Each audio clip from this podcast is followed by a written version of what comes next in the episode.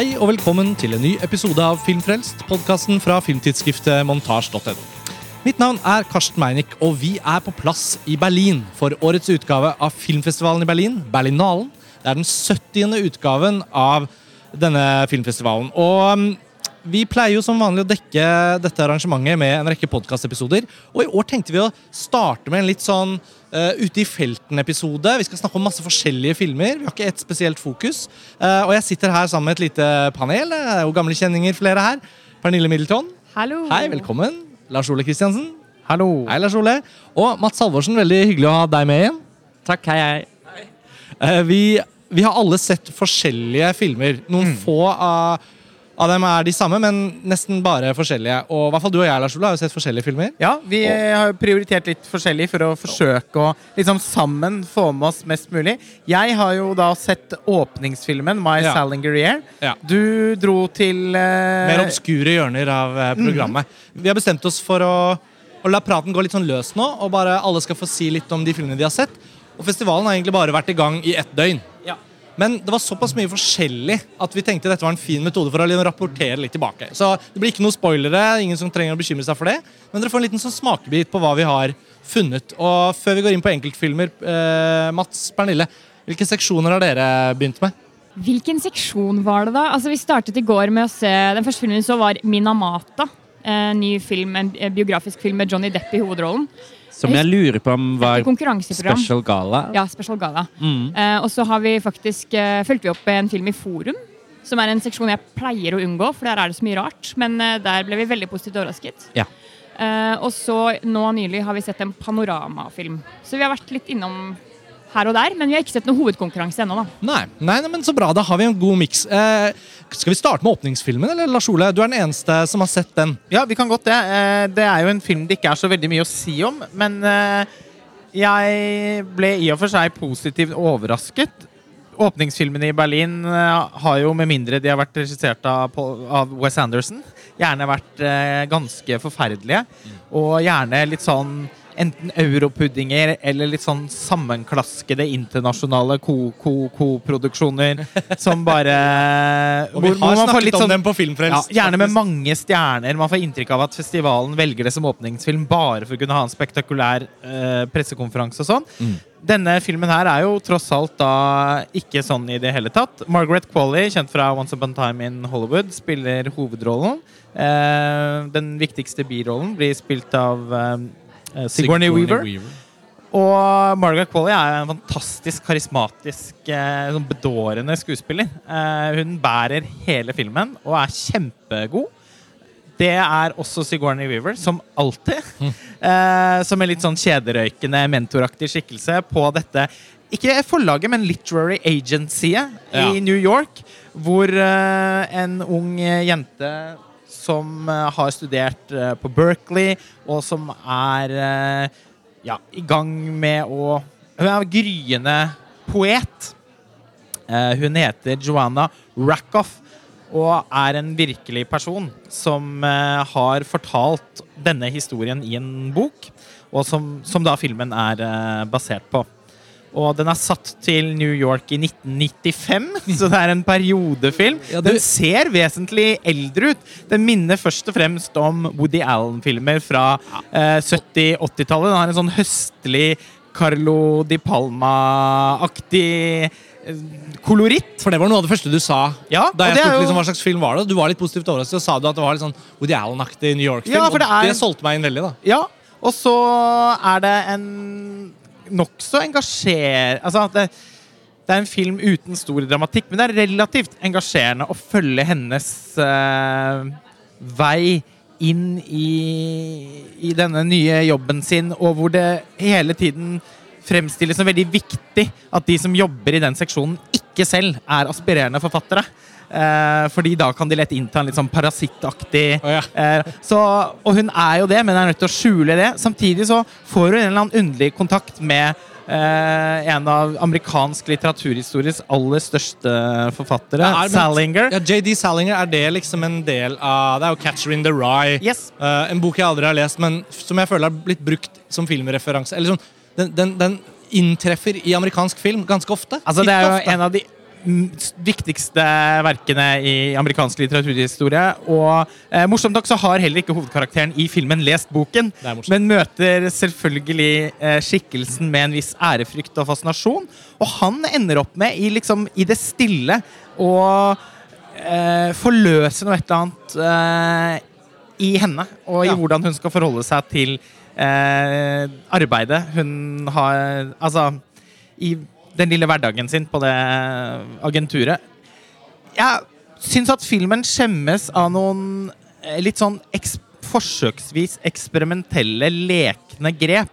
De er såpass kleine at filmen hadde hatt veldig godt av at de ikke var der. Men bortsett fra det så har jeg ikke noe negativt egentlig å si om filmen. Bortsett fra at den Det er ikke sånn at man tar med seg veldig mye hjem, men den er innmari godt spilt og helt sånn florlett, søt underholdning som eh, av, av en type jeg aldri kan huske å ha opplevd som åpningsfilm. I Berlin, i hvert fall. Nei. Ja, men jeg syns det høres ikke så, ikke så verst ut. Ikke så verst. Nei. Um, hvis uh, Jeg vet ikke hvem som har lyst til å hoppe. Jeg kan jo ta kort uh, Eller jeg kan vente litt, for den er litt sånn komplisert å snakke om. egentlig Pernille, har du lyst til å Du sa du hadde sett noe i forum som var veldig bra.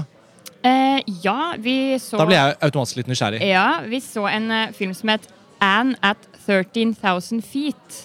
Eh, litt kronglete tittel eh, å si, men eh, ja, vi tok en sjanse på den her. Den var så kort og virka så grei. Og så eh, bare vet ikke, jeg, jeg visste liksom ikke hva vi skulle forvente av den heller. Vi så bare et bilde var en ung jente som skal hoppe i fallskjerm, og det var egentlig det, var det vi visste. Eh, og den er regissert av Kasik Radvanski, aldri hørt om. Uh, en kanadisk uh, produksjon. Um, og vi følger vel egentlig nykkene til denne hovedrolleinnehaveren, som man først liker litt, men så etter hvert så ser man hvor merkelig hun er, da. Og Ja. hvor mye det påvirker alle rundt henne, som gjør så godt de kan, og som egentlig vil være veldig støttende, og enten det er i arbeidslivet eller i kjærlighetslivet eller familien. Men eh, hun er veldig lite mottagelig for eh, disse rådene, da. Ja, veldig karakterportrettaktig. Man er hele tiden veldig nært på henne. Nesten til det fysisk, irriterende. fordi Altså kameraet er oppe i ansiktet hennes Ja, veldig tiden. sånn bevegelig kamera som følger henne tett på hele tiden. Um, som gjør at man får henne liksom bokstavelig talt ned i halsen. Da, og også litt fordi at hun er så typete som menneske at det er man sliter litt med å beholde sympatien eh, med henne, rett og slett. Fordi at hun tar noen valg og sier noen ting som ja, Som er litt provoserende. Ja. Samtidig som at den klarer å beholde oss på hennes lag, da. Ja, og det er veldig rart. Det var en sånn finurlig balanse der som hele tiden tippa over eh, til den eller andre siden. Men eh, ja, nei, den, den vil jeg absolutt anbefale. Den er sikkert en sånn film som eh, vil bli umulig å se ved en senere anledning. Yeah. Jeg skjønner ikke hvor den skal dukke opp, Nei. men eh, for de som hører på er her, så kan man jo gå og se den. Det var helt umulig for meg å ikke tenke på 'Som du ser meg' av Dag Jan Haugerud, faktisk. For det er en ganske interessant sekvens på arbeidsplassen hennes. Hun jobber i en barnehage. Hvor da hennes kollega, som har vært der lenge og anser seg selv som en veteran, begynner å diktere alle feilene hun gjør. Og sånt. Ja. Og hun bare «Ja, men herregud, kan du ikke slappe av litt? Og på, et punkt så sier hun 'You're so dumb!' rett i fjeset hennes. Ja. Og det var jo veldig morsomt. Og så, men så sier hun, svarer hun kollegaen bare sånn 'Ja, men, men hva vil du? Vil du ikke at jeg skal si ifra når du gjør feil? Vil du heller at noen andre skal oppdage det, så du blir straffet?' Så er det sånn Ja det er og nei, liksom. eh, anslag av uh, Dagan Haugre, særlig i den sekvensen eh, der. Ja. Og det syns jeg også var var- fint med den filmen, at det er så mye humor i den, selv om den egentlig det er veldig mange ganske sånn mørke temaer. Mm. I at hun tydeligvis sliter med ja, en del ting, da. ja. Som ikke helt blir definert heller. Nei. Men det, var, det, er jo, det er jo fint å lure òg, egentlig. veldig Så, fint. ja. Men altså, da, hva med denne Johnny Depp-filmen, da? Den er vi jo nødt til å høre noe om. Han har jo gått i en Gått oppover en veldig bratt bakke i mange år nå. Jeg begynner å tenke at man kanskje aldri liksom får han tilbake. Ja, jeg vil si at han er ikke tilbake med dette heller. Jeg syns det var eh, altså, Mats eh, likte det kanskje litt bedre enn meg, men jeg syns Ja. det var en merkelig casting av Johnny Depp. Og jeg vil tro helhetlig sett at jeg likte filmen Minimata, som den heter. Jeg vil tro at jeg hadde likt den bedre hvis det ikke var Johnny Depp. Fordi det er jo ikke, det er ikke en veldig dum historie. Den er litt sånn Erin Brockovich extreme. Ja. Nei, altså jeg syns ikke den var så dum. Jeg syns den er langdryg, men det er ikke Johnny Depp sin feil. Eh, Det kjennes heller ikke som en sånn kjempe original historie i den forstand at her kommer den hvite amerikanske mannen og skal redde en situasjon. Ja. Og det har man jo sett en del ganger før, og selv om dette sikkert til en viss grad er eh, en ganske sann historie Vi så jo en av de medvirkende fra filmen var på pressekonferansen her i Berlin og er tydeligvis støtter den versjonen som presenteres. Mm. Riktignok en versjon hvor hun kommer ganske godt ut selv.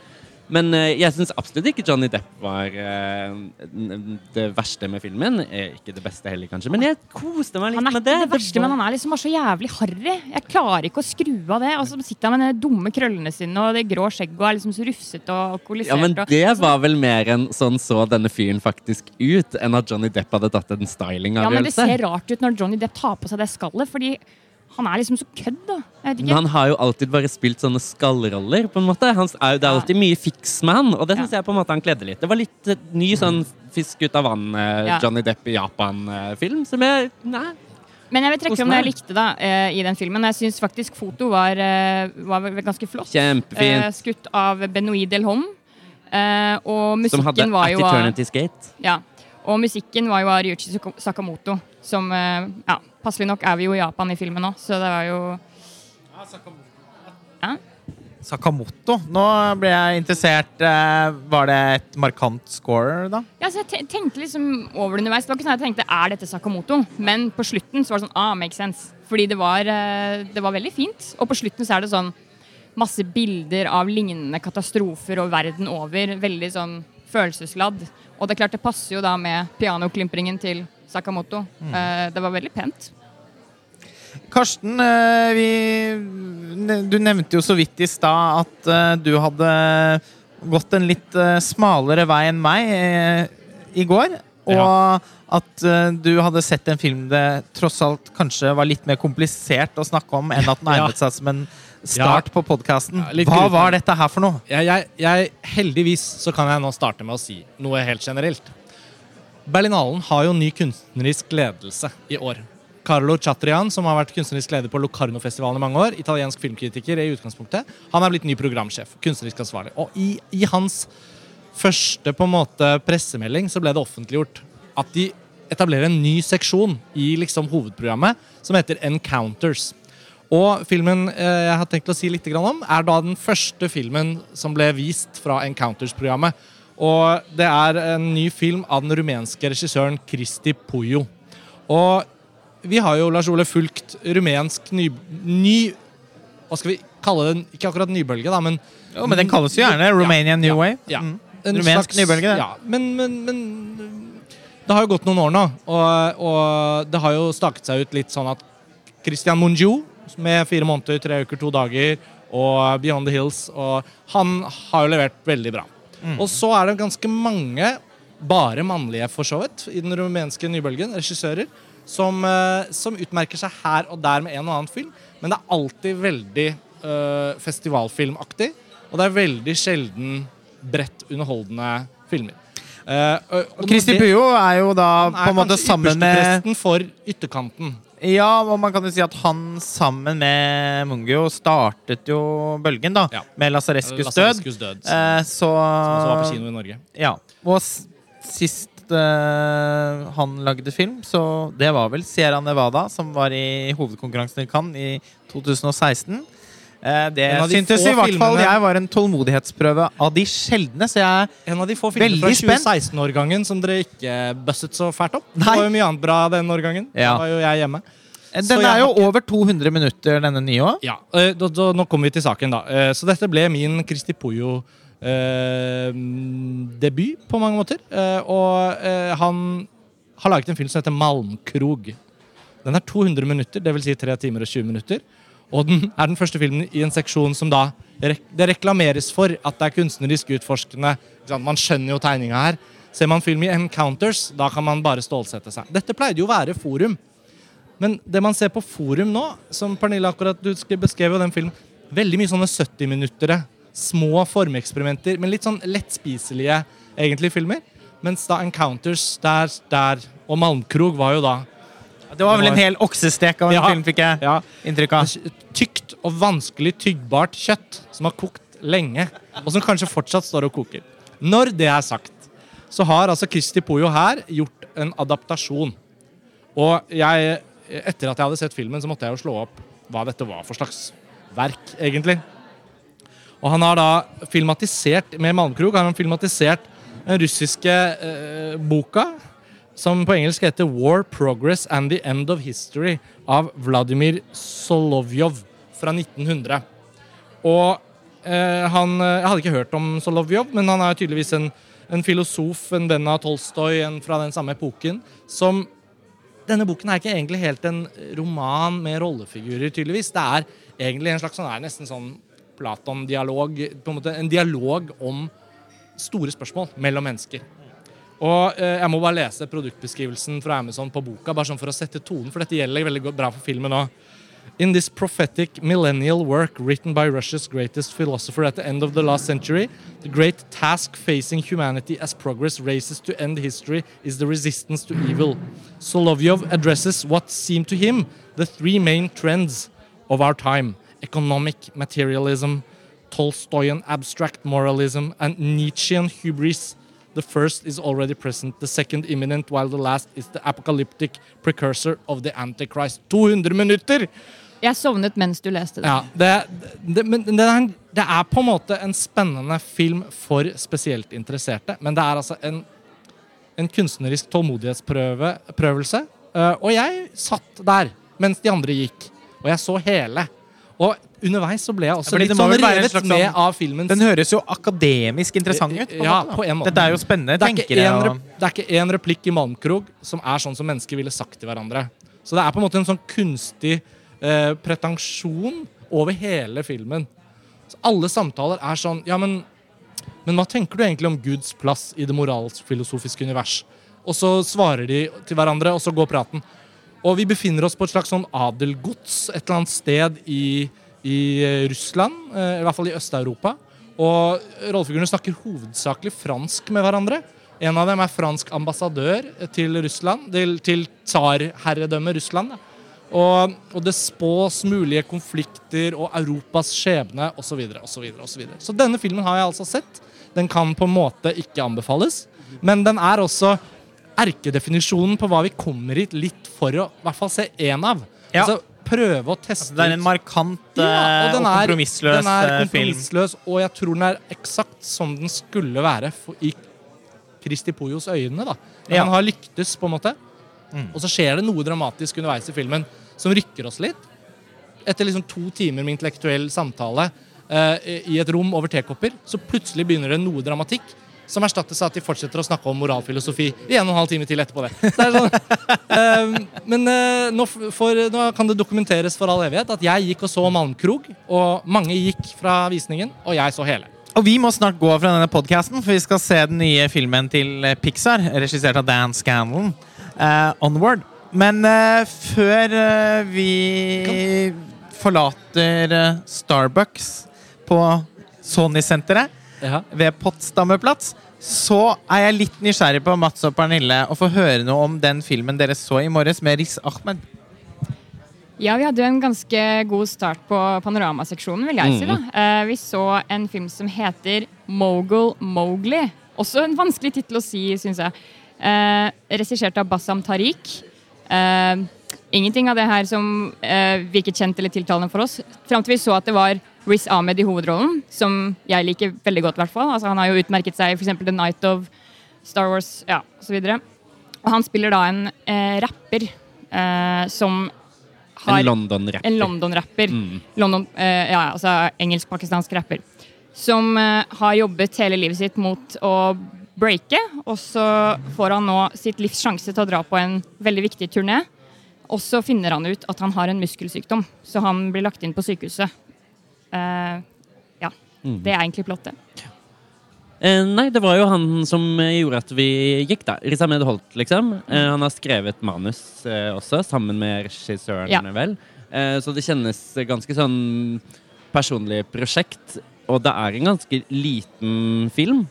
Mm, som litt på samme måte som Anna 13,000 Feet kjennes veldig sånn intim. Ganske sånn nær han. Litt sånn lekent kamera. Litt sånne vendinger hvor han er sympatisk, men også ikke. Ja.